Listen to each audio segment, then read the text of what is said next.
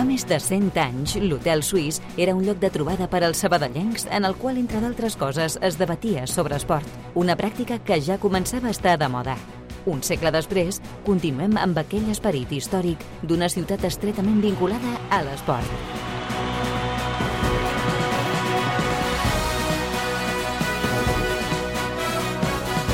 Hotel Suís, amb Adriana Arroyo.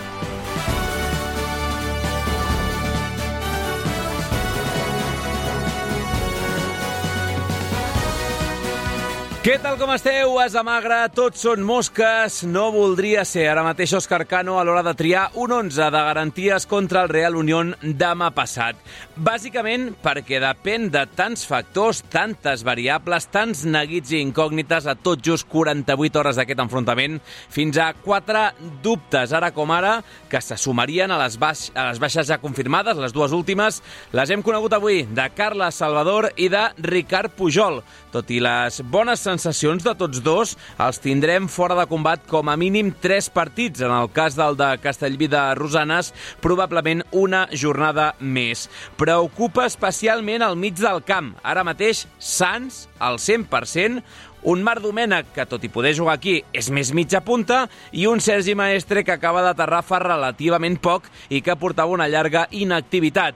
Això no vol dir que no pugui ser de la partida finalment algú més, però com dic, Cano ara mateix deu ser un mar de dubtes a l'espera de com monta de com organitza el seu particular Tetris, de com evolucionen els seus jugadors. És allò de la llei de Murphy, que quan es lesionen jugadors cauen uns quants a la vegada i a sobre de la mateixa demarcació. I és ara quan s'ha de demostrar aquest punt de fortalesa, de maduresa de l'equip i de fons d'armari, reconeixent, això sí, la dificultat d'una autèntica allau de baixes que tindrà dissabte al Sabadell.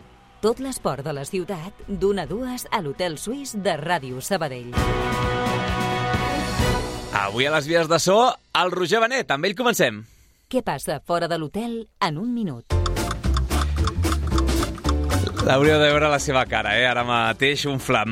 Empat del Barça a l'anada dels vuitens de la Champions masculina davant del Nàpols ahir. Es va avançar Lewandowski, però va empatar Osimen per l'equip italià, tot obert per la tornada a Montjuïc. A l'altre partit, el Porto va guanyar 1-0. L'Arsenal amb un gol de Galeno pràcticament a l'última jugada, al minut 93.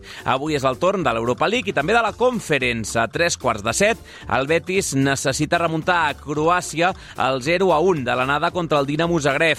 Avui a les 7 també tenim anada dels quarts de l'Eurocup femenina de bàsquet, Spar Unigirona Galatasaray i a 3 de 9 Barça-Porto. Torna a la Champions masculina d'handbol al Palau dos mesos després. A més, si el Vesprem no guanya, un triomf culer classificaria ja matemàticament els d'Ortega pels quarts de final. I el sumari de l'Hotel Suís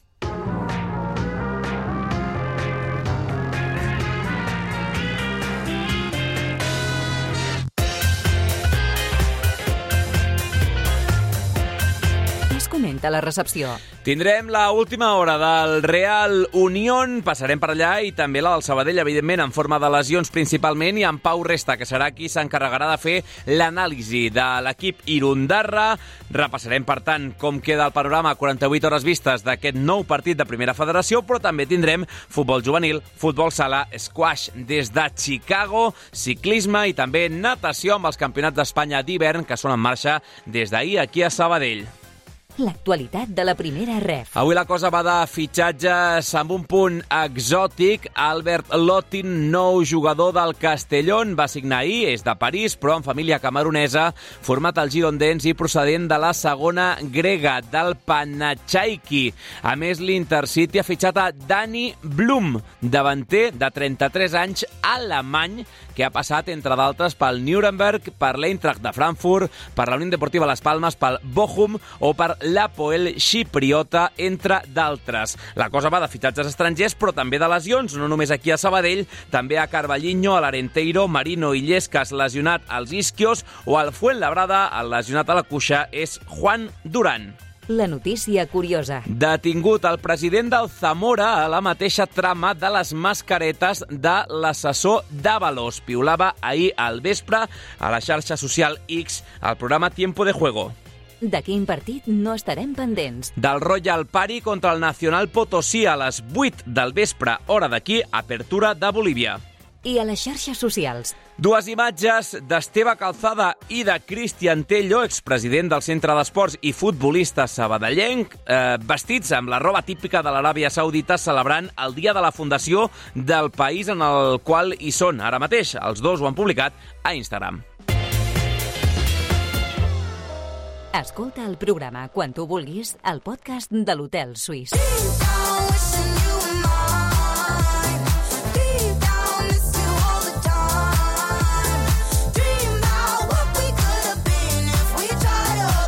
9 minuts, no arriba per sobre de la una. Avui hem anat per feina, encetem aquest programa del dijous 22 de febrer del 2024 en la prèvia d'un Sabadell Real Unión que sense cap mena de dubte estarà molt marcat per les absències. A banda i banda, de seguida anem amb la infermeria arlequinada, que malauradament està massa plena, però avui començarem pel rival, per l'equip fronterer, que té un problema concretament a la porteria, amb el veteraníssim John Irazusta arrossegant problemes a l'esquena, amb Unai Aguirre, que s'ha operat aquesta mateixa setmana del pòmul, una lesió que va patir en l'últim partit contra el Celta Fortuna, la porteria irundarra queda, doncs, en mans d'un jove de 21 anys, Charlie Pérez. Passem per Real Unión Actualitat i, evidentment, canviem de llengua. Andrea Manzano, periodista que sigue habitualmente al equipo Churibels. ¿Qué tal? ¿Cómo estás, Cacho? Caixo, Adrián, ¿qué tal? Pues aquí hablando de, de- de bajas, porque en un equipo y otro, Sí, sí, sí. pendientes de, la, de, de ese capítulo de, de lesionados, de tocados, etcétera, ¿el Unión tiene un problema en la portería o no? Sí, así es. eh, tenemos, como quien dice, los dos porteros, digamos, titulares lesionados. Eh, Johnny Azusta ya prácticamente toda la temporada con, con una lesión en la espalda, con molestias que, bueno, ya carreaba de la anterior temporada. Y bueno, Unai Aguirre, que se había hecho con la titularidad por la lesión de Irazusta, pues sufrió, como ya has comentado, una lesión en el pómulo del otro día y pues bueno, baja muy, muy sensible. Así que le tocará a Charlie de nuevo, que, que llegó eh, en invierno a nuestro equipo. ¿Qué tal, Charlie Pérez? Las primeras referencias suyas. Bueno, lo que hemos podido ver es que es- parece que tiene muchas dudas eh, bajo palos. Yo supongo que, que al final es que todavía no se, no se ha habituado a la categoría, pero, pero bueno, por ahora confiaremos en él. El, el director deportivo lo ha traído, si lo ha traído será por algo. Sí que es verdad que en el partido ante el Nasti que tuvo dos fallos importantes que le costaron al Reunión, al Real bastante caro, pero bueno, confiaremos, confiaremos en él, ¿no? Eh, repasamos estadísticas de- del equipo Irundara. Son tres partidos que ha ganado en los últimos 17 cuando empezó la liga con un 12 de 15. ¿Qué, qué le ha pasado al Unión en estos últimos meses? Bueno, yo lo que creo también es que al final el, cambio de entrenador no, no le vino bien. Creo que no se le dio tampoco el tiempo suficiente a Fran Justo, que, que llegó y trajo también a jugadores suyos de, de confianza como son Antón Escobar y, y Joseca. Y bueno, los resultados no están saliendo. Sabemos que es una, una categoría complicada y ahora con el nuevo entrenador también ha habido un cambio, un cambio de sistema, un cambio de juego y bueno, parece que Idiáquez había empezado a dar con la tecla, pero pero bueno, se ha vuelto se ha vuelto a caer. El Depor fue un buen partido, ganamos 3-0 con con Fran Justo y luego Idiáquez ante el Sestao, ese 4-2 fue fue también importante, pero pero bueno, los resultados parece que cuestan. Ahora mismo está en una situación eh, curiosa, está en, en zona media, zona tranquila, Sí. pero claro, sin poder despistarse. ¿Qué, qué objetivos se tiene en Gal o qué idea se tiene?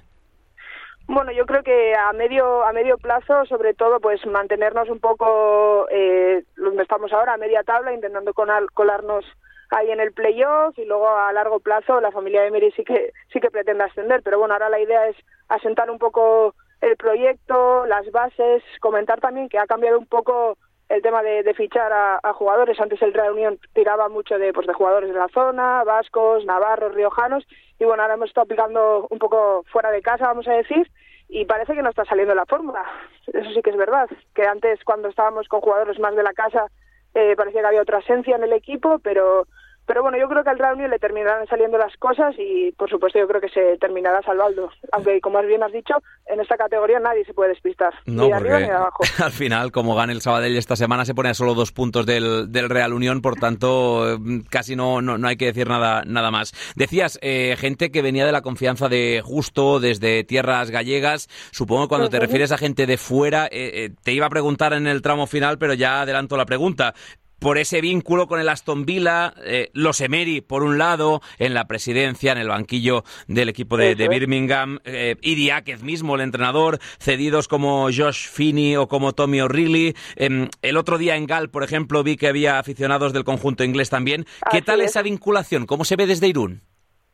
Bueno, pues eh, la verdad que por ahora con, con buenos ojos, eh, bueno, esperamos que sea, digamos, eh, algo, un, un acuerdo, por así decirlo, fructífero. Eh, por ahora los dos jugadores que, que nos han cedido, tanto John Finney como Tommy O'Reilly, aunque Tommy O'Reilly sí que sufrió una lesión en el escafoides y esperamos que, que ya esté para el partido de Sabadell, pero por ahora la verdad que, que pinta muy bien, ¿eh, Adrián? Pinta muy bien este acuerdo que, que han hecho con Aston Villa. Luego ya Mm. veremos.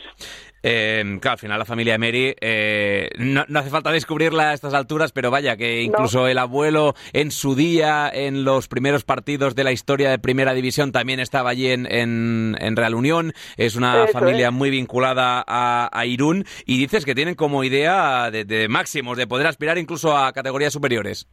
Así es, yo, bueno, cuando presentaron en su, en su día el plan de viabilidad a largo plazo, sí que es verdad que la intención de, de la familia Emery es llevar al equipo por ahora a la, a la categoría de plata, ¿no? Eso paso a paso, poco a poco, pero, pero sí que es verdad que, que eso es la, in- la intención y también de ahí viene la inyección económica que, que están haciendo, ¿no? Que en, en invierno volvieron a aumentar el, el capital. Así que por esa parte en Irún estamos muy contentos. También de decirte que, bueno, renovaron todo todo el campo y bueno unas infraestructuras impresionantes tanto para las categorías inferiores hemos recuperado el fútbol femenino eh, en el Real Unión que también creo que eso es otro gran aliciente para, para la ciudad así que en cuanto a la familia Emery sin pegas Hmm.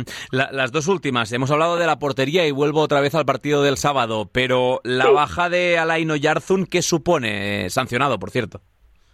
Bueno, la verdad que últimamente estaba entrando desde, desde el banquillo, desde mi humilde opinión, creo que al final es un jugador que, que aporta mucho, pero quizás es un jugador demasiado individual, sabemos que, que tiene esa zurda de oro que, que cuando el partido está cerrado y si lo sacas en un córner o en una falta, pues te puede, te puede hacer un gol.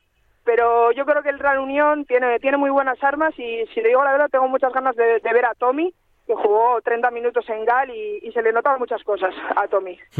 Y la última, en el partido de la primera vuelta jugaron de titulares el mismo Yarzun, Irazusta, que también lo hemos comentado ya, y Azcue, que está en el Sestao, por parte del Sabadell. Dos de los que jugaron están lesionados de gravedad, tres se han ido en enero, uno precisamente al Real Unión, Carlos Beitia. Eso de que sea asimétrico el calendario hace que, que cambie tanto el panorama respecto a aquel partido inaugural de Liga, que es que no sirve absolutamente de nada como referencia. Así es, bueno, yo también te diría que, que con un calendario asimétrico da todavía más emoción a una categoría con la primera, como la primera ref, que al final yo creo que cada partido todos los equipos se juegan la vida porque nadie quiere bajar a- al pozo que es la segunda ref, simulando la antigua segunda B, ¿no? Y yo creo que el Real Unión y el Sabadell son dos equipos que bueno, eh, van a estar Ancheco parecido a final de temporada. Me extrañaba también que el Sabadell estuviera tan abajo, así que yo creo que va a ser un, un duelo interesante. Ya digo que también hay que tener en cuenta que el Real Unión, la defensa quizás es lo que más cogea últimamente, porque Iván Pérez eh, la temporada pasa- pasada hizo una gran temporada, pero este año anda bastante bastante fallón. Pues veremos a ver cómo acaba este Sabadell Real Unión duelo de históricos. Andrea Manzano, es. periodista del Real Unión Actualidad, es que ricasco y vamos hablando. Muchas gracias, cuídate mucho. Igualmente, cuídate Adrián, muchas gracias, un placer, suerte el sábado. L'Hotel Suís obre les portes a l'esport de Sabadell. Don't forget my love.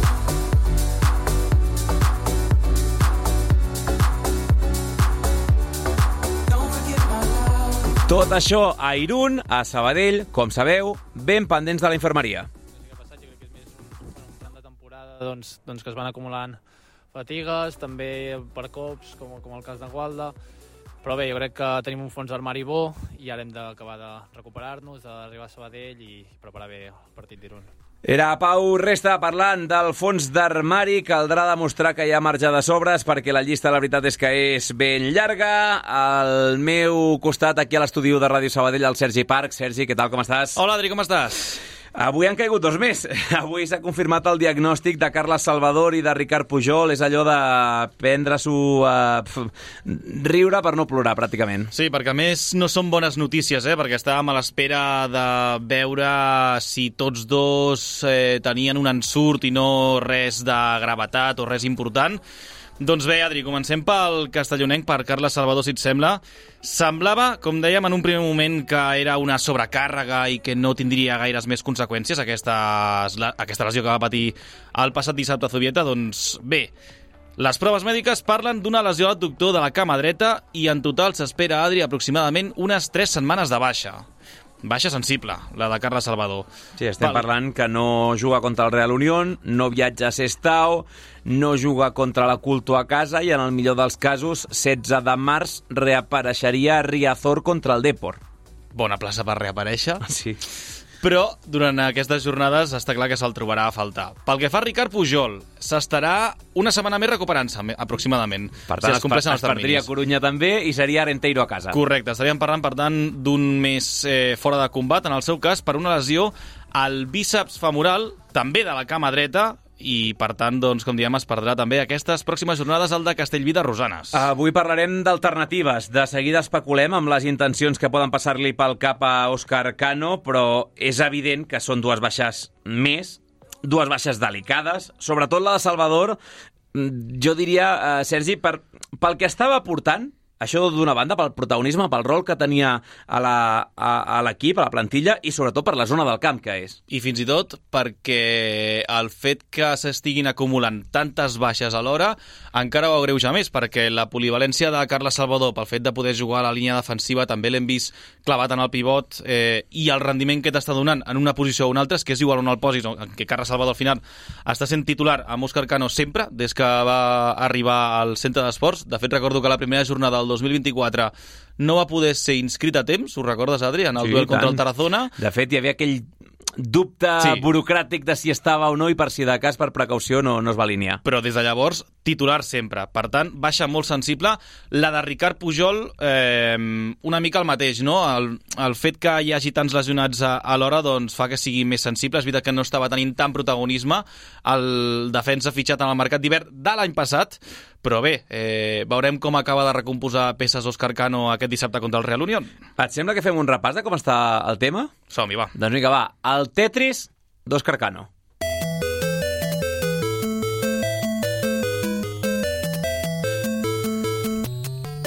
Idea de Sergi Parc, eh? això de posar la sintonia del Tetris de, de fons, perquè és que és que haurà de fer un Tetris, però dels bons, eh, Òscar Cano, per acabar d'ajustar les peces. Baixes confirmades. Comencem per aquest capítol.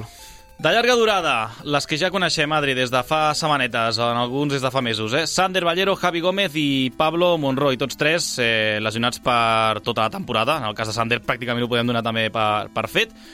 Aquestes tres baixes li hem de sumar aquestes dues de Ricard Pujol i Carles Salvador que acabem de d'esmentar. Ahir, en roda de premsa, compareixia Marc Domènech. Ell mateix confirmava que, tot i tenir algunes molèsties l'altre dia a Zubieta... No, no, no, no és un efecte de so. Està passant una ambulància pel carrer Doctor Puig de Ràdio Sabadell. Vull pensar que no va a la nova Creu Alta. Ah, però era del carrer, jo pensava que era màgia de Roger Benet, aquí fent de, de les seves. Uh, en tenim de màgia del Benet també, però no, no, us asseguro que era una ambulància que passava per darrere nostra ara. Bé, eh, Sander, Javi Gómez, Pablo Monroy, Ricard Pujol, Carles Salvador, Marc Domènech, ahir compareixia en roda de premsa, ell mateix confirmava que eh, va quedar en un ensurt aquestes molèsties de, de l'altre dia i sí que estarà disponible dissabte contra el Real Unión. I a partir d'aquí, Adri, Dubtes. dubtes, que en són uns quants. Joan de la Melívia, ahir mateix el Sergi en feia ressò no? d'aquest cop que va rebre el bessó. Estem a l'espera d'evolució. Veurem si arriba a temps a dissabte. Confiem que sí. Àlex Walda, Sí. recordem, proves mèdiques. Han, descarga... han descartat perdó, que tingui res greu, però al final estem parlant de sensacions del Bilbaí. I, les sensacions és... és una trepitjada, eh, el que té al peu. Correcte. Com diem, les proves han sortit netes, però amb ell li fa mal. Li segueix fent mal i, per tant, com diem, sensacions i a veure com arriba dissabte. Antonio Moyano. Des del club no descarten que pugui tornar a la convocatòria. Però veurem. Si és té muscular opcions. en el seu cas. I ja es va perdre la visita a la Real Sociedad B, a Zubieta. Com dius, eh, la diferència aquí amb Walda és que Walda és aquesta trepitjada al peu, Moyano eh, s'ha d'anar amb una mica més de compte que no es lesioni de més gravetat. I després tenim el cas Raül Baena, les sensacions que té són positives, es va fer mal al genoll, però té previst forçar, i més veient les circumstàncies actuals de, de la plantilla, veurem si, si arriba o no. Quin panorama. Amb, amb tot això, clar, el neguit suposo gira al voltant del mig del camp perquè tenim a Sander fora, tenim a Salvador fora i dels quatre dubtes que m'has dit, tres de les incògnites són migcampistes, Moyano, Baena i Gualda, per tant és que queda el que queda. Sí, eh, en el pitjor dels escenaris, de migcampistes nats, tindríem a Sergi Maestre, Dome si juga una mica més endarrerit del que l'estem veient més habitualment en les últimes jornades i poc més. A partir d'aquí, doncs, eh, es poden espe especular amb, amb alternatives. Per exemple, un estals de pivot, que l'havien vist a pretemporada Sí. i inici de temporada. I en el seu lloc, en el lloc de- d'estals de, en el carril dret, que jugués Calavera, que recordem, també sortia d'un petit trencament muscular eh, de les últimes setmanes, així que també veurem si està per jugar 90 minuts de titular. L'altre dia, Marro va jugar una estona també en aquesta zona del mig del camp a Zubieta. Sí, no, no és el seu rol natural, però va davant de les baixes, eh, precipitat o no, però va jugar una estoneta, sí. per tenir alternatives, doncs es pot contemplar. I després pots avançar algun central de posició, un Jesús Fernández, o fins i tot, i no seria la primera vegada aquesta temporada, un Pau Resta, ho vam veure al Cerro del Espino en el debut de Gerard Bufill a la banqueta. No va sortir molt bé aquell, aquell experiment, però tens aquesta possibilitat també. I de fet aquell dia recordo que es va canviar el sistema després de provar-ho mitja hora i aquí anava el meu últim dubte i insisteixo que és especular per especular, eh? però està el tema del sistema, que també canvia l'escenari si se surt amb dos o amb tres centrals. Aquí juga un paper clau el factor Jonander Melívia, de si està disponible o no. Si és amb tres centrals, gent com Toni Herrera o el mateix Calavera poden jugar de, de central extern, per dir-ho així. Aquí fins i tot podria entrar en aquesta equació, i compta amb aquest nom, Pau Fernández, Clar, és que Carrion va marxar al mercat d'hivern, es lesiona Ricard Pujol, si Toni Herrero ha de jugar de tercer central, que és una possibilitat de parlar per parlar dins de totes les cartes que té sobre la taula, doncs el que et queda és, és Pau Fernández. Com a lateral esquerre pur, sí, recordem, eh, és un d'aquests joves jugadors en dinàmica de, de primer equip pel que fa a entrenaments, ha entrat algunes convocatòries, és un dels pesos pesants d'això, del juvenil A de divisió d'honor, eh, convocat amb les seleccions inferiors de, de la selecció espanyola, per tant, un jugador, doncs això, que pot tenir també aquest paper protagonista en cas que Òscar Cano doncs, requerís dels seus serveis. Tot això si és amb, amb 5 al darrere, Adri. Si es jugués amb 4 a la línia defensiva, es pot reforçar l'atac amb una peça més estil Baselga o Nando, per exemple, tot i que jo diria que no sembla que sigui l'opció que ara mateix tingui més pes. Veurem per quina opció aposta Cano, però com a resum et diria que depèn principalment de com avancin aquestes 48 hores perquè canvia molt afrontar el partit amb Gualda, Baena, Melilla, per exemple, que fer-ho sense ells tres o alguns d'ells. Així que haurem d'esperar fins a l'última hora per especular doncs, amb més arguments sobre aquest possible 11 inicial. Doncs el que dèiem, un Tetris, un Tetris que no sabem encara les peces que cauran en els pròxims dos dies al panell i a partir d'aquí com les acabem de col·locar a Bo. sobre de la pissarra. Però vaja, haurà de fer un bon encaix. Aquí, Òscar Cano, eh, no t'ha agradat, no? Aquí tota la Pura metàfora. poesia, no? M'ha encantat. està maleint haver fet ja la web i està repensant-se posar una aquí a Ràdio Sabadell de Jocs Florals, que és un clàssic en el cas de Sergi Parc. Va, anem a deixar tanta metàfora. El Tetris de Cano, jo crec que demà en parlareu també, a més demà roda de premsa del Granadí, per tant una bona oportunitat per saber com estan totes aquestes incògnites, si és que hem avançat alguna cosa més a 24 hores a les hores ja del partit d'aquest Sabadell Real Unión i ja especulareu el que calgui segurament amb més arguments, perquè ara mateix el Tetris una autèntica incògnita.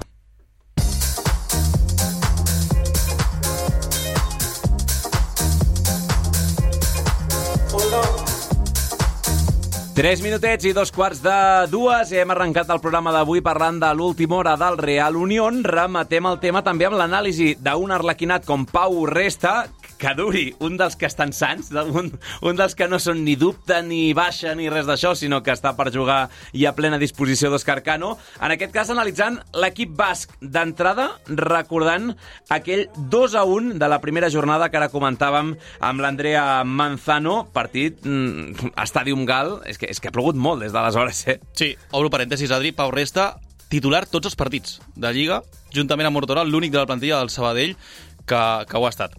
Tanco parèntesis. Com dius, ha plogut molt des d'aquell precedent de la primera volta.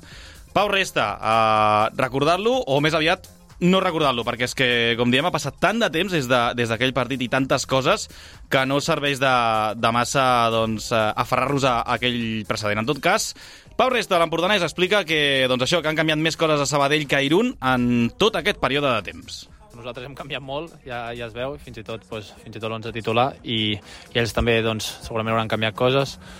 I bé, un cop més dir que, que a casa doncs, doncs hem de fer forts, allà és on, on s'ha de notar a la veritat Sabadell i està més com la primera part d'avui.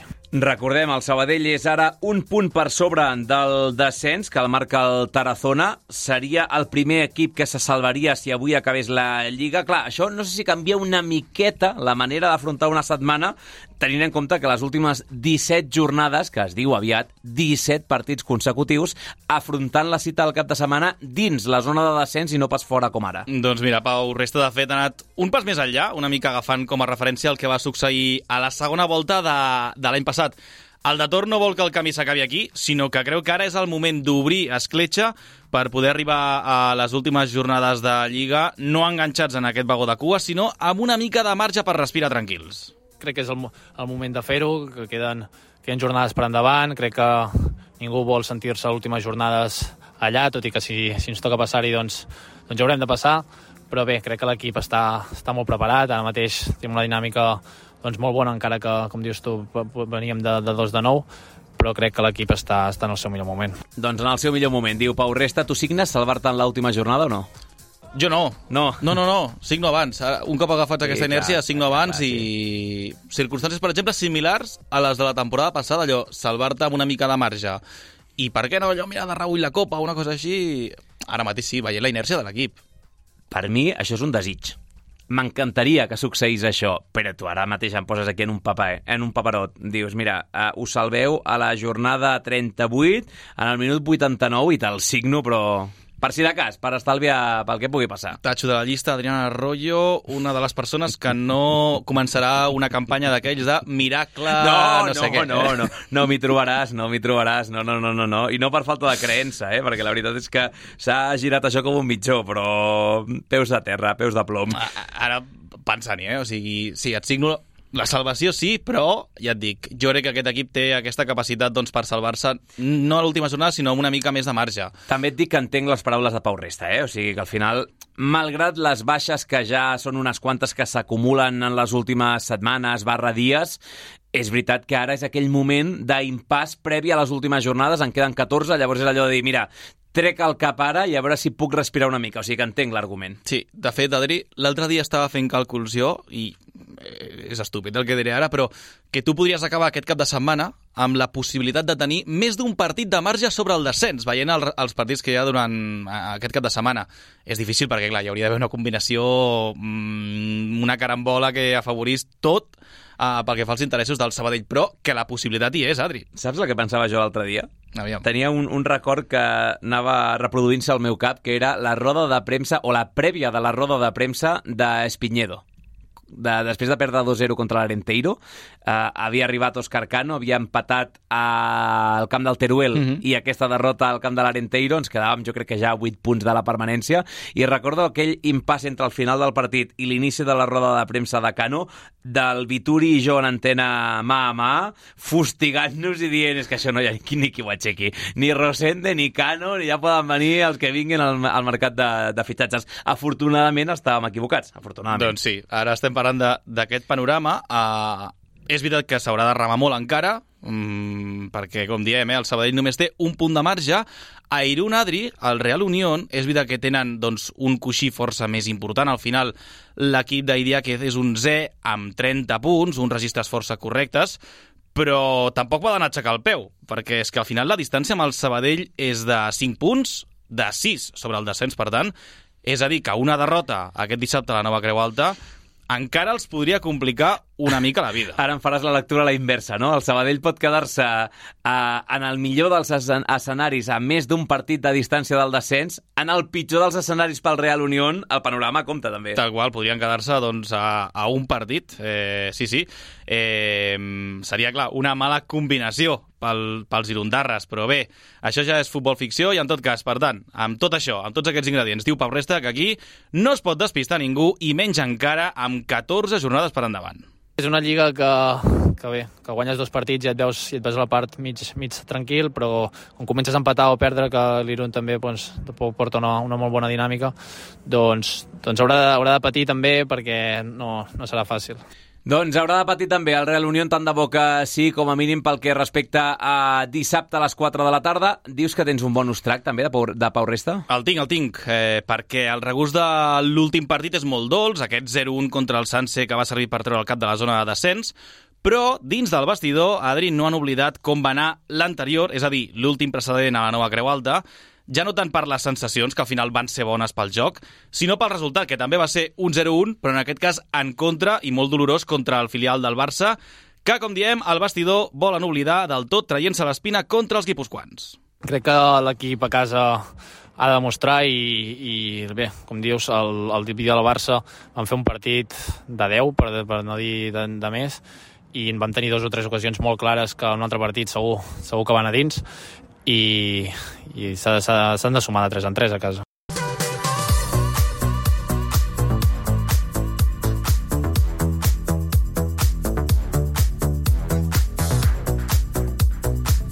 S'ha de sumar de 3 en 3 a casa, diu Pau Resta. És evident que ha corregit el registre com a visitant, ja no és el pitjor de la Lliga al centre d'esports, i que duri, i que continuï aquest degoteig de punts fora de casa. Segurament serà la nova Creu Alta qui dictarà sentència i qui acabarà dient si el Sabadell té opcions d'escapar-se o no d'aquesta crema, d'aquesta part baixa de la classificació, com demanava ara el de l'Alt Empordà. L'anàlisi de Pau Resta, avui és dijous, eh, per, per tant, toca parlar de, de l'àrbitre. Eh, ha sortit la designació avui, ben d'hora, ben d'hora. Avui a les Rozes han matinat per poder fer el, el famós PDF.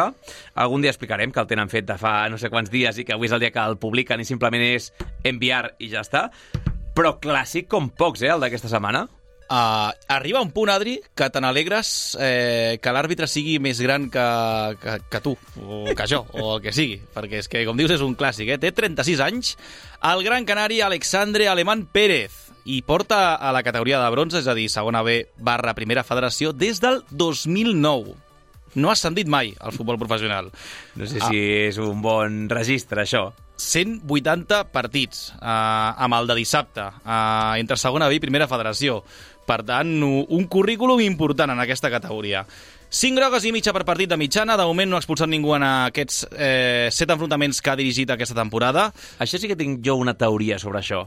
Basada en el no-res, eh? en el que em diu el nas i ja està. Que com més experiència tens, menys expulsats Correcte, acumules. correcte. O sigui, a, a mesura que setmana rere setmana vaig mirant el currículum dels àrbitres, me n'adono que com més anys porten a la categoria, no sé si és que al principi vas molt ràpid de targetes o per voler marcar una mica més el territori, sent jove, imposar-te al partit, no sé per què exactament, i no ho he parlat mai amb cap àrbitre, però sí que és una evidència que sobretot a nivell de vermelles aixeques una mica el peu.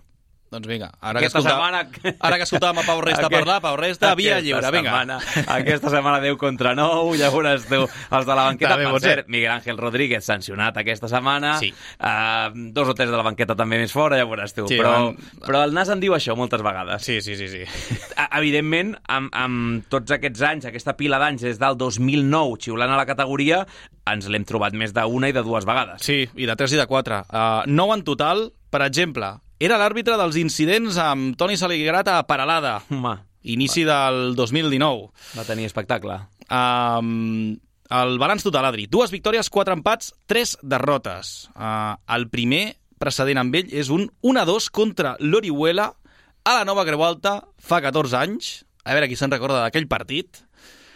Amb David Pirri d'entrenador. És que ha plogut moltíssim, eh? 14 anys. Eh, és que estem parlant... No, no, no, podem, no podem tenir distraccions a l'altra banda del vidre. O sigui, acabes de dir, el primer partit és un 1-2 contra Sí. l'Orihuela a la nova Creu Alta. I Roger Benet, que està escoltant des del control de so, fa el gest de 0 a 4.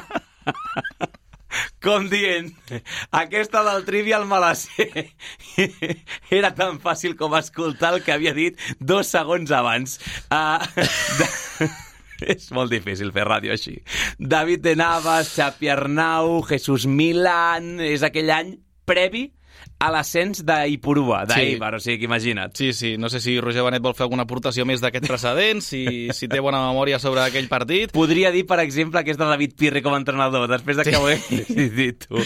Bé, aquell va ser el primer precedent. L'últim, un 1-0 a casa contra el Cornellà la temporada passada, amb Sí, Gary sí. Garcia a la banqueta. Sí, correcte. Um, Gol de Sergi Garcia, no? Sí. No és aquell que regateja els coloms abans de marcar? Diria que va ser aquell partit, sí, perquè a més em va fer dos de seguits, crec, a casa, però bé, diria que sí. Uh, en tot cas, la diferència entre un partit i l'altre, eh? Com diem, moltíssims anys d'aquest veterà, Alexandre Aleman Pérez, uh, que també, per cert, té dos, cops, eh, dos precedents perdó, amb el Real Unión, dos empats a zero, a Getxo fa 4 anys i a Múrcia fa dos. Doncs eh, ja sabeu la meva porra, no? Per dissabte.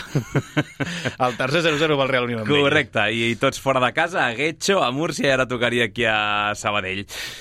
A tot això, dissabte el partit a les 4, per tant, demà última sessió.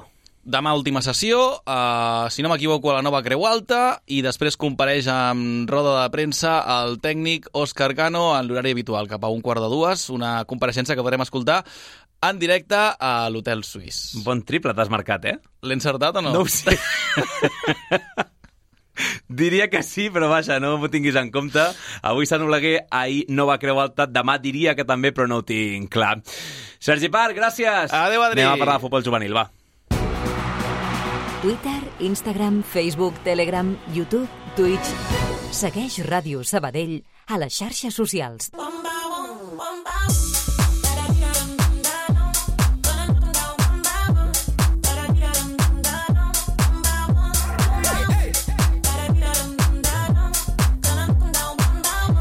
20 minutets queden de l'Hotel Suís d'avui. Abans d'anar a la publicitat, parlem de la Divisió d'Honor Juvenil, on el Centre d'Esport Sabadell prepara el partit contra l'actual cué del grup, el Platges de Calvià mallorquí. Serà aquest dissabte a Olímpia. L'equip dirigit per Albert Milà no es pot descuidar, ja que una relliscada l'aproparia encara més a la zona de descens. Ara mateix els arlequinats són novens, a només 3 punts, això sí, del perill. El primer juvenil del Sabadell buscarà retrobar-se en el camí del triomf després de caure contra el Real Zaragoza a Terres Aragoneses la passada jornada, a més amb un gol a última hora. El tècnic, Albert Milà, creu que serà una bona oportunitat, veient tot, com arriben, el rival, etc, per aconseguir aquest més 3. Hem de fer el nostre partit, ens hem de centrar en nosaltres. Crec que l'equip està a nivell de joc en el seu millor moment i l'objectiu és centrar-nos en nosaltres, fer un partit complet perquè tant a nivell de punts com a nivell de qualitat som millors que el Patges de Calvià i ho hem de demostrar jugant a casa aquesta setmana.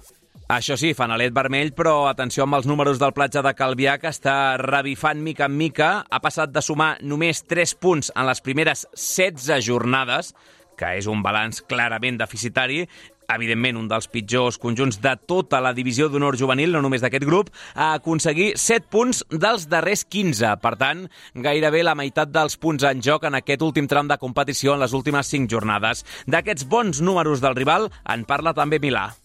Són els últims amb 10 punts, però venen fent bons resultats. Feia moltes setmanes que no guanyaven i els últims 4 partits han guanyat han guanyat Cornellà i, i han incorporat jugadors nous. O sigui, serà un partit igualat. Si ens pensem que vindrem aquí i ens passejarem, estem molt equivocats. Serà un partit igualat i hem de fer un partit molt, molt complet per, per poder portar-nos els tres punts a casa. El partit entre el juvenil A del Centre d'Esports i el Platges de Calvià començarà dissabte a dos quarts de cinc de la tarda a Olímpia. Per tant, en paral·lel al que succeeixi uns metres més avall a la nova Creu Alta en aquest Sabadell Real Unión de la Primera Federació. A la mateixa hora, el Mercantil afrontarà el duel directe contra un altre rival balear, un San Francisco que és vuitè, un punt per darrere dels blaugranes. L'equip gracienc se situa setè a la classificació, un lloc per sobre, i encara que en l'últim mes de competició només hagi sumat un únic punt de 12 possibles, conserva un coixí de 4 puntets encara respecte la part baixa de la taula. Carlos López, l'entrenador mercantilista, espera que aquest cap de setmana sigui el bo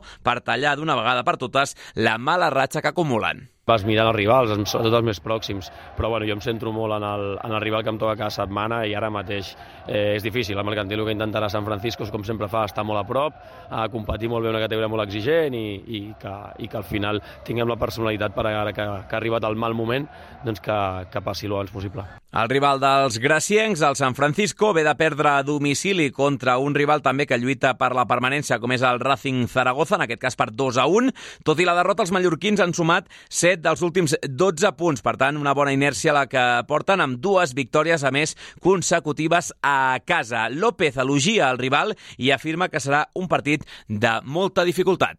El rival és un, és un equipàs que juga molt bé, amb un tracte de pilot excel·lent i bueno, intentarem fixar-nos amb San Francisco, que fa moltes coses bé i, i ens tocarà també un partit molt difícil.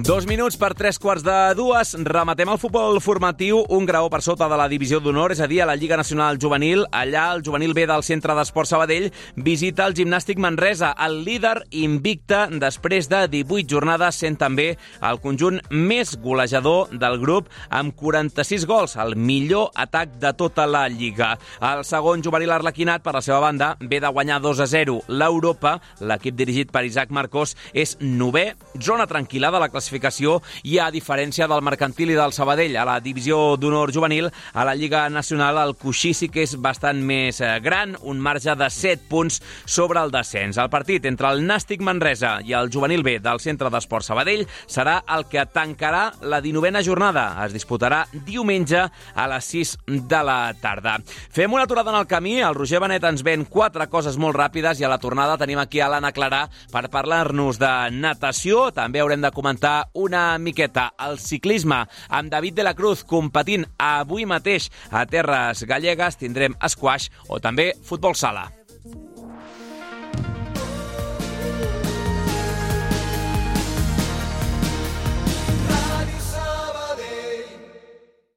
Taxi Més ara t'ho posa més fàcil.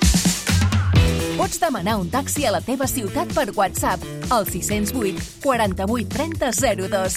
Recorda, 608 48 30 02. Més informació a taximés.com. Taxi! Radio Taxi Sabadell, el teu taxi de referència a Sabadell.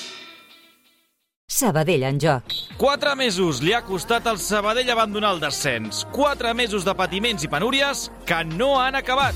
El camí cap a la tranquil·litat segueix sent llarg i ara toca no despistar-se per acabar de confirmar que els arlequinats volen continuar sent de primera federació. Sabadell en joc. Passió arlequinada. Dissabte a dos quarts de quatre de la tarda i des de la nova Creu Alta, Centre d'Esport Sabadell, Real Unión Club d'Irun. Segueix el partit del Sabadell amb la narració del Sergi Garcés, els comentaris de l'Adriana Arroyo i la direcció del Pau Vituri. Dissabte a dos quarts de quatre de la tarda, Sabadell en joc. Centre d'Esport Sabadell, Real Unión Club d'Irun, a Ràdio Sabadell. Vibra amb els partits del Centre d'Esports al Sabadell en joc. Ets un panarra. T'agrada el pa de debò, cruixent amb molla esponjosa i l'aroma de l'autèntic pa. A Valero també som uns apassionats del pa. Del pa de veritat, del de sempre, del que vam aprendre a fer fa més de 60 anys. Per això, elaborem les nostres especialitats com abans, respectant la tradició, perquè puguis tornar a gaudir del plaer de menjar pa. Perquè a Valero som forners. Som del Sabadell. Encara no segueixes el canal de WhatsApp de Ràdio Sabadell?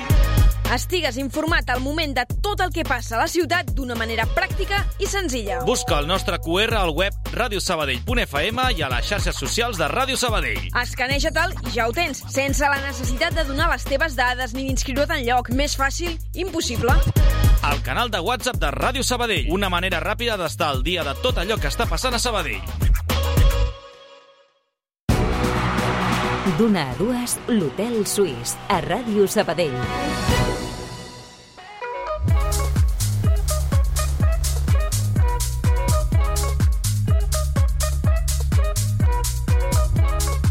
Som-hi, va, 13 minuts queden del programa d'avui. Anem amb el bloc poliesportiu, amb la natació. Ahir arrencava el Campionat d'Espanya d'hivern a Can Llong i, per tant, avui segona jornada. Som en aquell punt d'impàs entre la sessió de matí i la de tarda i allà, a les instal·lacions del Natació Sabadell, hem tingut aquest matí a l'Anna Clarà. Anna, què tal, com estàs? Bona tarda, Adri. D'aquesta segona eliminatòria, què ens pots explicar com ha anat el matí? Doncs la veritat que els nedadors del Club Natació Sabadell han tingut presència en bona part de les competicions d'aquest matí. El més matiner ha estat Àlex Castejón, que ha passat amb el tercer millor temps a la final dels 400 estil d'aquesta tarda. Recordem que ahir, en la primera sessió d'aquest campionat d'Espanya, el de Canet de Mar va aconseguir l'or en els 200 de braça. I hem parlat amb ell sobre les sensacions obtingudes en la prova i reconeix que es mostra satisfet dels resultats obtinguts. Vaig notar bastant bé, vaig plantejar la prova intentant sortir agressiu, sortint ràpid i la veritat és que em vaig tindre molt bones sensacions durant la prova. Igual a l'última part de la prova, els últims 15-20 metres em van costar una mica, però, però vaig aguantar bastant bé i al final doncs, la recompensa de, de tindre una millor marca després de molt de temps. Tal i com ha dit, les bones sensacions obtingudes fins ara, mm, tot i així no es conforma, perquè pretén millorar dia a dia per intentar-se superar al cap i a la fi. Els meus objectius sempre són els mateixos, no? De vegades hi ha reptes internacionals, com europeus, mundials, Jocs Olímpics, no? Però per mi el meu repte sempre és millorar-me a mi mateix i fer les meves millors marques en tots els campionats. Després ha estat el torn dels 50 lliures femenins on hem pogut veure la Clàudia Muñoz en la quarta posició. Posteriorment, en la mateixa prova, el mundialista Sergio De Celis s'ha classificat en tercera posició. I minuts després ha estat el torn dels 200 esquena masculins, on hem pogut presenciar el murcià Diego Mira passant en la tercera posició per la final d'aquesta tarda. I en les últimes sessions d'aquest matí han estat els relleus. Pel que fa als 4 per 200 lliures masculins, el club s'ha classificat en primera posició amb els nedadors Àlex Jiménez, Hugo Nevado, Arnau Piferrer i Pablo Nevado. I pel que fa al femení de 4 també per cent, les nedadores Natàlia Muñoz, Lucía González, Teresa Hernández i Carolina Oliveira han passat a la final d'aquesta tarda en la tercera posició. Doncs un bon grapat de noms dels quals està pendents a la sessió de tarda d'aquest segon dia de competició de l'estatal d'hivern a Can Llong, el 40è Campionat d'Espanya d'hivern amb els Àlex Castejón, Clàudia Martínez, Sergio De Celis o el de Santomera, Diego Mira. Recordem un campionat que s'allarga fins diumenge, fins al dia 25 a les instal·lacions de Can Llong. Gràcies, Anna. Fins ara. Adeu. Tot l'esport de la ciutat, d'una a dues a l'Hotel Suís de Ràdio Sabadell.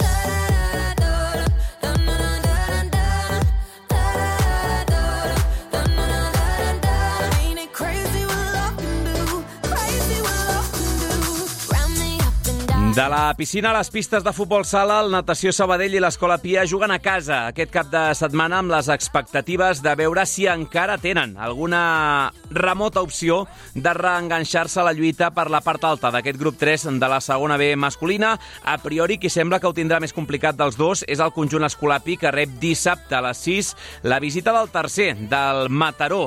Els maresmencs, si no passa res estrany, jugaran al playoff d'ascens, ja que tenen un coixí de 9 punts per mantenir-se en aquesta zona de privilegi. Un equipàs de la Lliga, com ha explicat el tècnic escolapi Pedro Donoso. un partido de tú a tú contra un rival potente que, que busca estar en playoff y subir de categoría y bueno, y al final nosotros con nuestro trabajo pues tendremos que intentar plantar cara y, y ser, pues bueno, ser la pía, ¿no? Y, y ponerle las cosas difíciles, ¿no? Recordem que la Pia és novena, ara mateix, i que en aquest 2024 ha sumat 13 punts dels últims 18 possibles. Per tant, un bon rendiment des que s'ha canviat l'any, un bon balanç que s'explica també perquè el calendari ha estat benèvol en aquestes jornades pels de Can Colapi. Però això canviarà a partir d'ara i les pròximes setmanes. Es un equipo que se nos da bien también, bueno, y al final es Mataró, después vienen todos los de arriba, ¿no? Viene Sardañola también, viene Picasen, bueno, es una, una segunda vuelta en casa, va a ser todo muy complicado, ¿no? Eh, ya vino la Barceloneta, hicimos un gran partido y, bueno, al final no, no puntuamos, creo que nos merecimos mucho más.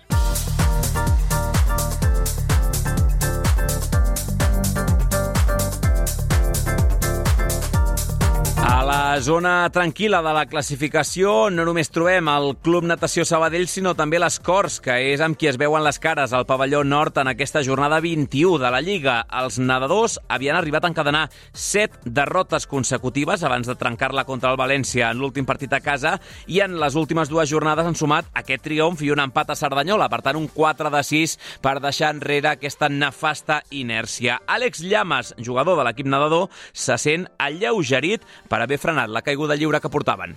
El equipo, la verdad que eh, las últimas dos tres semanitas ha pegado un cambio brutal a nivel de actitud.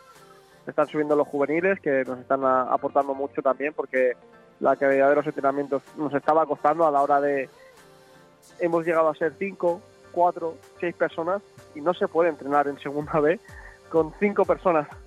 Y la verdad que nos estaban echando una mano y está, es lo que nos está haciendo que demos ese plus. Enfront hi haurà una de les revelacions de la temporada, les Corts, un conjunt, recordem, que acaba d'ascendir, però que, malgrat això, està signant un gran curs, especialment a domicili. Els números fora de casa realment espectaculars dels barcelonins, 22 punts de 27 possibles. Llames posa d'exemple el duel de la primera volta per explicar la competitivitat del rival que tindran al davant el Natació Sabadell aquesta setmana. Es un equipo muy, buen muy bien trabajado. eh, en su pista, la verdad que compiten excelente. Pero bueno, nosotros fuimos allí, eh, perdonamos, que es lo que nos fue pasando en todos los partidos, perdonamos. Y a falta de, no sé si me equivoco, eh, siete segundos, ellos cogen y nos meten en un juego de cinco cuando teníamos todo el partido controlando con un 0-2 al descanso. Con 2-2, nos pusimos 3-2 y si no me equivoco el 3-3 viene a falta de eso, 7 o 10 segundos. Compte amb l'horari eh, d'aquest Natació Sabadell Les Corts, aquest duel directe de la zona mitjana de la segona B de futbol sala masculí, perquè no serà gens habitual. Es juga al pavelló nord, però no serà a la tarda de dissabte, sinó diumenge, l'endemà, a dos quarts de sis, Club Natació Sabadell, Les Corts. L'Hotel Suís. Una manera diferent d'entendre l'esport.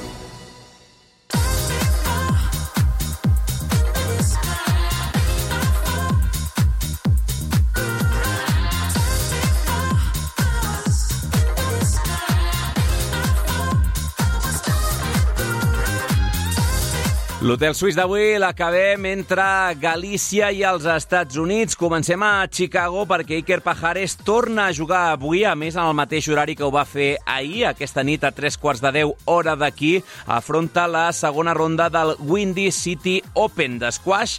El jugador sabadellenc s'enfrontarà al mexicà Leonel Cárdenas, que és en el rànquing mundial PSA 20 llocs per sota del del tennis Sabadell. Ahir, en l'estrena, Pajares va haver de patir per derrotar el nord-americà Andrew Douglas en 5 sets. És veritat que sense parcials ajustats, però al cap i a la fi anant a les 5 mànigues en aquesta estrena al Windy City Open. Per contra, Cárdenas també va guanyar, també va jugar ahir, ho va fer amb un set menys, però havent de remuntar. El primer set va ser pel canadenc Baillargion, després el mexicà va guanyar els tres següents per plantar-se en aquesta ronda de setzents. En cas de passar avui també, als vuitens de final, el sabadellenc podria trobar-se amb el cap de sèrie número 1 del torneig, el gran favorit, l'egipci Ali Farak, el millor del món, que s'enfronta al catarià Abdullah Al-Tamimi. Aquest torneig, recordem, de categoria platí, podria millorar encara més el nivell PSA de Pajares, actualment el 15è del món, el que és la millor posició de la seva carrera i havent millorat en els últims dies 5 places, per tant, déu-n'hi-do el salt que ha fet Iker Pajares. De moment l'estrena a Chicago se salda amb victòria en 5 sets. Veurem avui surt com a mínim pel que fa allò de ser cap de sèrie el número de rànquing d'un i de l'altre també com a favorit a partir de 3 quarts de 10 de la nit contra el mexicà Leonel Cárdenas. Escolta el programa quan tu vulguis al podcast de l'Hotel Suís. You shot me so damn You shot me, then you got me, and I'm like damn. Yeah, rum, pum, pum.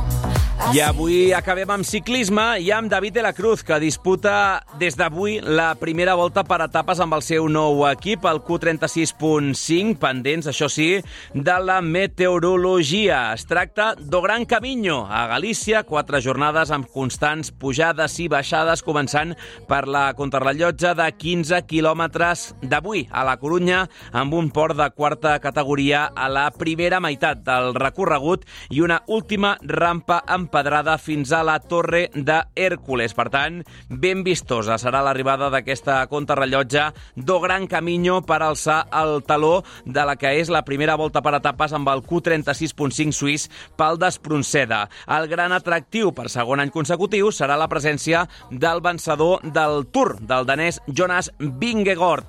Recordem que De la Cruz es va estrenar fa una setmana i mitja, això sí, no volta d'etapes, sinó proves d'un dia, clàssiques, la volta a la regió de Múrcia i després també la clàssica de Jaén. I parlant de clàssiques, segurament demà el Vituri aprofundirà una miqueta més, però després d'haver competit a la setmana ciclista Volta Femenina, la comunitat valenciana, aquest cap de setmana també competeix en una clàssica Marta Romance. Serà la seva segona etapa amb el mallot del Massi Baix Ter, la del centre de la ciutat, marxa cap a terres andaluses per competir a la clàssica de Almeria.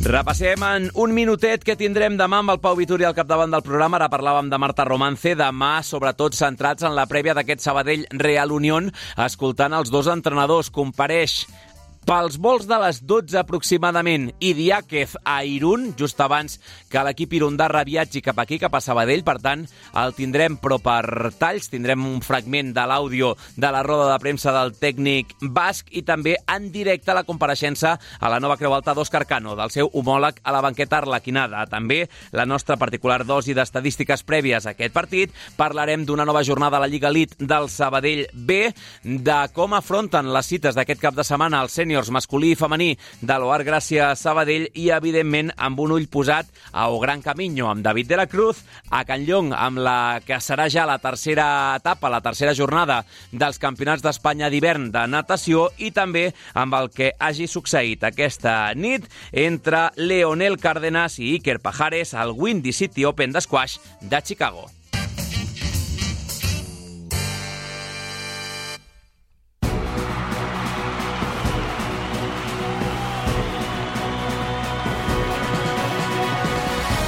No tenim queixes avui, eh, del control de so del Roger Benet, més enllà del lapsus que ha tingut amb aquell Sabadell Orihuela de fa uns anys. Ell ha estat avui a les vies de so i continuarà estant-hi en el Notícies Migdia d'aquí a 30 segons, amb l'Helena Molís i amb tota la colla d'informatius. Una abraçada del Roger i de tota la redacció d'Esports de Ràdio Sabadell, també de l'Ivan Lechuga com a estudiant en pràctiques. Demà més, que passeu un bon dijous. Adéu-siau.